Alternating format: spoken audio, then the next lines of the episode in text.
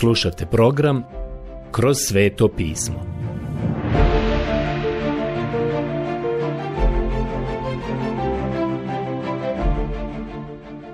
Knjiga Postanak Odlomak Postanak Poglavlje 1 Stih 1 Prijatelji, sada smo u knjizi Postanka. Nalazimo se u prvom dijelu knjige Postanka, zapravo u prvom poglavlju. Još nismo stigli ni do prvog stiha, jer je ovo prekrasan i veoma važan dio. I prošli put smo spominjali neke od teorija koje se odnose na porijeklo svemira i razmatrali smo neke od teorija koje su najistaknutije. To su teorije zasnovane na ideji evolucije. Naravno, to je podijeljeno na mnogo različitih varijanti, ali u osnovi to je ona teorija koja nikada nije dokazana kao istinita. Veoma je žalosno to da kada se spustite na razinu pseudonaučnika, a pri tome mislim i na današnje učitelje u našim državnim školama koji predaju prirodnjačke predmete, oni zapravo nisu u poziciji dati fair pogled na to, jer su i sami na koleđu čuli samo jednu stranu i dobili samo jedno gledište. Ali postoje i neki izvanredni ljudi koji zasigurno smatraju da to nije dokazano. Na primjer, dr. G. A. Kerkut. On je na ocijeku za fiziologiju i biohemiju na Univerzitetu Southampton u Engleskoj. Dr. Kerkut je napisao knjigu pod naslovom Implikacije evolucije. Sada ću ga citirati. Postoji teorija koja kaže da se mnoge žive životinje mogu promatrati kako se tokom vremena mijenjaju i da tako nastaju nove vrste. To se može nazvati posebnom teorijom evolucije i može se pokazati u određenim slučajevima eksperimentima. Sa druge strane, postoji teorija da su svi živi oblici na svijetu nastali iz jednog izvora, koji je i sam došao iz neorganskog oblika. Teorija se može nazvati opštom teorijom evolucije, a dokazi koji podupiru nisu dovoljno jaki da nam dopuste da je smatramo nečim više od radne hipoteze. Dragi moj prijatelju, ukoliko si i ti evolucionista, moraš onda tu teoriju prihvatiti vjerom.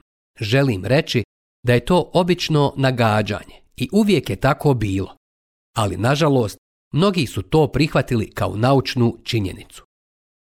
Danas postoji skupina takvih teologa, većinom mladih teologa, koji ne žele da ih se naziva intelektualnim mračnjacima i nazadnjacima. I stoga su prihvatili ono što je poznato kao teistička evolucija. Dr. Kirtley Mater u dijelu Nauka promišlja o religiji daje sljedeću izjavu. Dr. Mater piše Kada teolog prihvati evoluciju kao proces kojim se služi stvoritelj, mora biti spreman ići sa time do kraja. Ne samo da je to uređen proces, već je to proces koji se nastavlja. Zlatno doba za čovjeka, ako ga uopšte i bude, je u budućnosti, a ne u prošlosti. Šta više, kreativni proces evolucije ne smije biti prekinut bilo kakvom nadprirodnom intervencijom. Evolucija prvih živih čelija iz prethodno postojećih neživih materijala može predstavljati kvantni skok, a ne ekstremno mali korak na putu napretka ali to je potpuno prirodan razvoj. Sada vam mogu reći da je nemoguće. Zapravo je skoro nerazumno i iracionalno reći danas da ste teistički evolucionist. To se smatra vrlo nelogičnim stavom. Ima i danas onih koji pokušavaju trčati i sa zecom i sa gonićem. Željeli bi ići uz nevjernike, ali bi također htjeli nositi Scofieldovu Bibliju pod rukom. Mislim da je teško i jedno i drugo.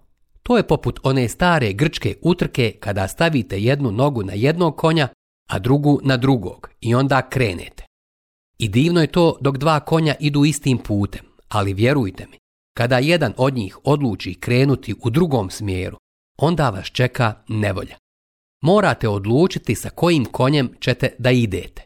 To opisuje stanje teističkog evolucioniste – on obično završi na pogrešnom polju. Obično jaše na pogrešnom konju. Danas postoji jako mnogo inteligentnih ljudskih bića koja su pogrešno informisana. Na primjer, prije mnogo godina sam uzeo ovaj isječak iz časopisa Liberty i u njemu piše sljedeće. Prema biblijskim zapisima, koji je datum stvaranja svijeta? Znate šta je navedeno? Naveli su 4004. godinu prije Krista. Kako je samo to smiješno? Ko je stvorio ovaj svemir? Mogu li vam reći, Bog ga je stvorio. Hoćete li poslušati ovo? Ovo mi je vrlo važno da napomenem. Ovo što je časopis Life imao kao porijeklo, a ja sada čitam. Možda jednu polovinu dugog razdoblja rane istorije planeta Zemlja je ležala neplodna i beživotna pod svojim atmosferskim pokrovom. Vode njenih okeana dizale su se i spuštale s pulsiranjem sunca i mjeseca i komešale su se sa disanjem vjetrova, ali u njima se nijedno živo biće nije micalo. Iznad njih su se nadvijale velike kontinentalne platforme, stjenovite i sumorne, lišene zelenila poput krajolika bezvazdušnog mjeseca. Zatim se u jednom neodređenom trenutku, neki kažu prije dvije milijarde godina, neki kažu prije milijardu i po, entitet zvan život čudesno pojavio na površini dubokog mora. Kakav je oblik uzeo, kakav splet fizičkih okolnosti ga je doveo u postojanje, nauka ne može precizirati niti sa sigurnošću odgovoriti na pitanje šta je život. Sve što se može reći jeste da su nekim djelovanjem određene divovske molekule stekle sposobnost da se dupliciraju. Prijatelji, da li ste spremni prihvatiti ovako nešto? Činjenica je da ovdje imamo neke skoro pa smiješne izjave. Znam da jedna od ovih teorija zauzima stanovište da je čovjek počeo svoje postojanje u nekoj kanti za smeće.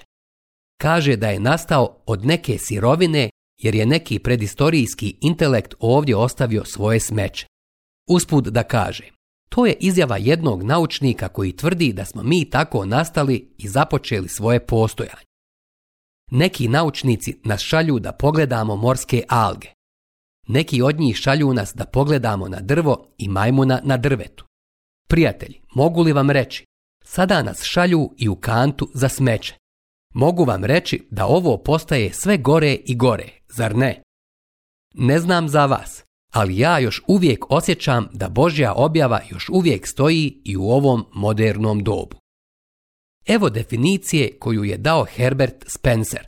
To je vrlo poznata definicija i dopustite mi da je pročitam. On kaže Evolucija je integracija materije sa popratnim gibanjem, tokom kojeg materija prelazi iz neodređene, nekoherentne homogenosti u određenu koherentnu heterogenost i tokom kojega zadržano gibanje prolazi kroz paralelnu transformaciju. Prijatelj, Nakratko obrnite tu izjavu i vidite što ćete dobiti. Ne znam za vas, ali što se mene tiče, i danas još uvijek ima smisla pročitati prve riječi Biblije. U početku stvori Bog nebo i zemlju. Knjiga Postanka 1.1 Ko je stvorio ovaj svijet? Bog je to učinio. Stvorio ga je ni iz čega. Kada? Ne znam. Ali imam vijesti za vas. Niko to ne zna postoji ovaj biblijski zapis koji sam malo prije pročitao. Neki kažu da je to bilo prije dvije milijarde, a neki kažu prije milijardu godina. A primjećujem u zadnje vrijeme da neki to pomiču i dalje i tvrde da se to desilo prije pet milijardi godina. Niko ne zna. Mislim da svi nagađaju. Mislim da se to desilo mnogo prije toga. U početku stvori Bog nebo i zemlju. Mogu li vam reći vrlo iskreno? Bog je imao vječnost iza sebe. Šta mislite, šta je on radio u svim tim milijardama godina u prošlosti? Čekao na vas da vi stupite na scenu. Čekao je da ja stupim na scenu. Ne, bio je zauzet. Dugo je radio na ovom stvorenom svijetu. Zar ne vidite ovdje da nam on nije puno toga rekao o tom periodu? Mislim da je prilično drsko za ovog malog čovječuljka ovdje dole na zemlji da pretpostavi da zna više nego što stvarno zna o tome. Mi samo prihvatamo ove veličanstvene riječi, riječi Božije, i možemo reći zajedno sa psalmistom. Zagledan u nebo, dijelo tvojih ruku, u mjesec i zvijezde, koje si učvrstio, pitam se. Psalam 8.4 Nebesa pripovijedaju Božju slavu. Dijelo njegovih ruku navješćuje nebeski svod. Psalam 19.2 I apostol Pavle, pišući poslanicu Rimljanima, napisao je vjernicima u Rimu sljedeće riječi u 20. stihu u prvom poglavlju. Doista, ono što se na njemu ne može vidjeti od postanka svijeta, moglo se je spoznati i vidjeti na stvorenjima. Njegova vječna sila i božanstvo nemaju dakle izgovora.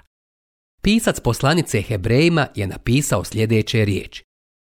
Vjerom spoznajemo da je svijet Božjom riječju načinjen, tako da iz nevidljiva postade vidljivo. Poslanica Hebrejima 11.3 To morate prihvatiti vjerom, jer vam čak i nauka govori da ne možete uzeti ništa i napraviti nešto. Bog je to očigledno tako učinio, ali današnji čovjek ne može reći kada je sve stvoreno možete i uporediti izvještaj koji je u knjizi postanka sa drugim izvještajima o stvaranju. A većina naroda je imala neke izvještaje o postanku svijeta. Mislim da je većina njih bila iskrivljavanje izvještaja iz knjige postanka. Na primjer, uzmite biblijski i babilonski izvještaj o postanku svijeta. Ploče na kojima je zapisan babilonski izvještaj govore da je na početku bio haos. Biblija počinje s kosmosom u početku stvori Bog nebo i zemlju. Prema babilonskom izvještaju nebeska tijela su bogovi, a prema Bibliji nisu ništa drugo nego materija. U babilonskom izvještaju o postanku svijeta imate politeističku teologiju, a u biblijskom izvještaju imate monoteističku istinu. Babilonski izvještaj je samo dijelo ljudske vještine, a u Bibliji je Bog govorio i tako je sve postalo. Babilonski izvještaj je prerađen, a u Bibliji imate stvarni i autentičan zapis. Babilonski izvještaj definitivno nije u skladu sa nama poznatom naukom, ali to nije slučaj sa Biblijom. Mogu li reći da je činjenica da mi odbacujemo evoluciju, jer ona odbacuje Boga i odbacuje otkrivenje. Evolucija negira čovjekov pad i činjenicu grijeha, te se protivi djevičanskom rođenju prijatelj. Zato mi odbacujemo evoluciju svim svojim bićem. To je zbog toga što ne vjerujemo da je ta teorija odgovor na porijeklo ovog našeg svemira. Ima još toliko drugih stvari koje bi se mogle reći. Postoji i treće pitanje pored onih ko je stvorio i kada je stvorio. Postoji i pitanje zašto je stvorio. Vjerujte mi da nas ovo sada vodi u sitnice. Ovo je važno da pogledamo molim vas zapazite šta riječ Božja ima da kaže. Ovaj svemir u kojem vi i ja danas živimo stvoren je radi njegovog vlastitog zadovoljstva. Bog je smatrao potrebnim da ga stvori. Uživao je u tome. Pročitat ćemo sada 11. stih u četvrtom poglavlju knjige Otkrivenja. Dostojan si, gospodine i Bože naš, primiti slavu i čast i moć, jer si ti sve stvorio, po tvojoj je volji sve nastalo i bilo stvoreno. Knjiga Otkrivenja 4.11 Bog je stvorio ovaj svemir jer je htio stvarati. Učinio je to za svoje zadovoljstvo. Vi možda ne volite ovaj svemir, ali Bog ga voli. Nikada me nije pitao gdje ja želim smjestiti ovaj mali svijet na kojem živim u njegovom svemiru. Mogao ga je staviti negdje drugo, ali on me nije pitao u vezi toga. Zapravo, nije me ni pitao želim li se roditi u Teksasu ili ne. Dakle, mogu vam reći da je ovaj svemir u kome vi i ja danas živimo stvoren za njegovo zadovoljstvo. Bog je smatrao da je potrebno da on stvara. Uživao je u tome. Drugi razlog zašto je stvorio ovaj svemir bio je taj da je to za njegovu vlastitu slavu. Sjećate se, prvobitno stvorenje je pjevalo onu divnu hvalu stvoritelju kada su sinovi Božji pjevali zajedno. Bilo je to prekrasno vrijeme. Sada ću pročitati sedmi stih u 38. poglavlju knjige o Jobu. Dok su klicale jutarnje zvijezde, dok su kliktali anđeli. Knjiga o Jobu 38.7 Kaže vam, ovo je stvoreno za njegovu slavu, za njega. Da li se sjećate proroka Izaije? U knjizi proroka Izaije u 43. poglavlju u 7. stihu piše sljedeće. Sve koji se zovu mojim imenom, koje sam na svoju slavu stvorio, sazdao, napravio. Knjiga proroka Izaije 43.7 Bog je stvorio ovaj svemir za svoju slavu. Nakon što je Bog stvorio ovaj svemir, onda je stvorio i čovjeka u njemu da ima zajedništvo sa njim. Želio je zajedništvo sa čovjekom.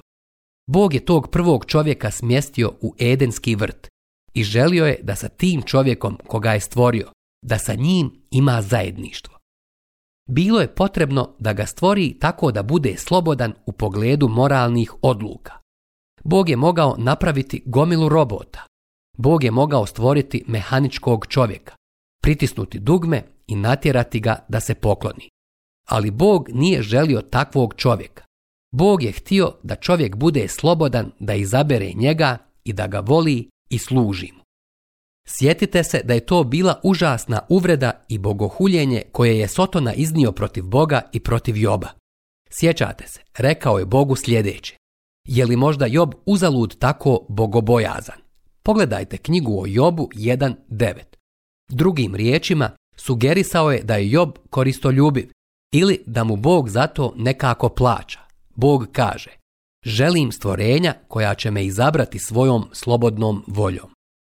Dragi prijatelji, postoji jedna velika stvar koju možete učiniti kao ljudsko biće u ovom svijetu grijeha, u kome je danas sve protiv Boga. On sam je to tako dopustio i on je vas i mene stavio u ovaj svijet kakav je danas, da vi i ja možemo izabrati njega svojom slobodnom voljom. Usred sve ove nevjere i bogohuljenja oko nas, mi danas možemo reći biram Isusa, ja ga prihvatam i primam ga, vjerujem u Boga Oca, svemogućeg stvoritelja neba i zemlje. To je najveličanstvenija privilegija koju vi i ja imamo. Ljudi danas mogu pričati o slobodi govora i o drugim slobodama, ali ovo jadno mnoštvo kojim smo danas okruženi i koje toliko priča o slobodi to mnoštvo ljudi ne poznaje pravu i istinsku slobodu. To vi imate, pravu slobodu, onda kada izaberete Isusa Krista za svog spasitelja. Ljubljeni moji, do sljedećeg puta neka vas Bog obilno blagoslovi.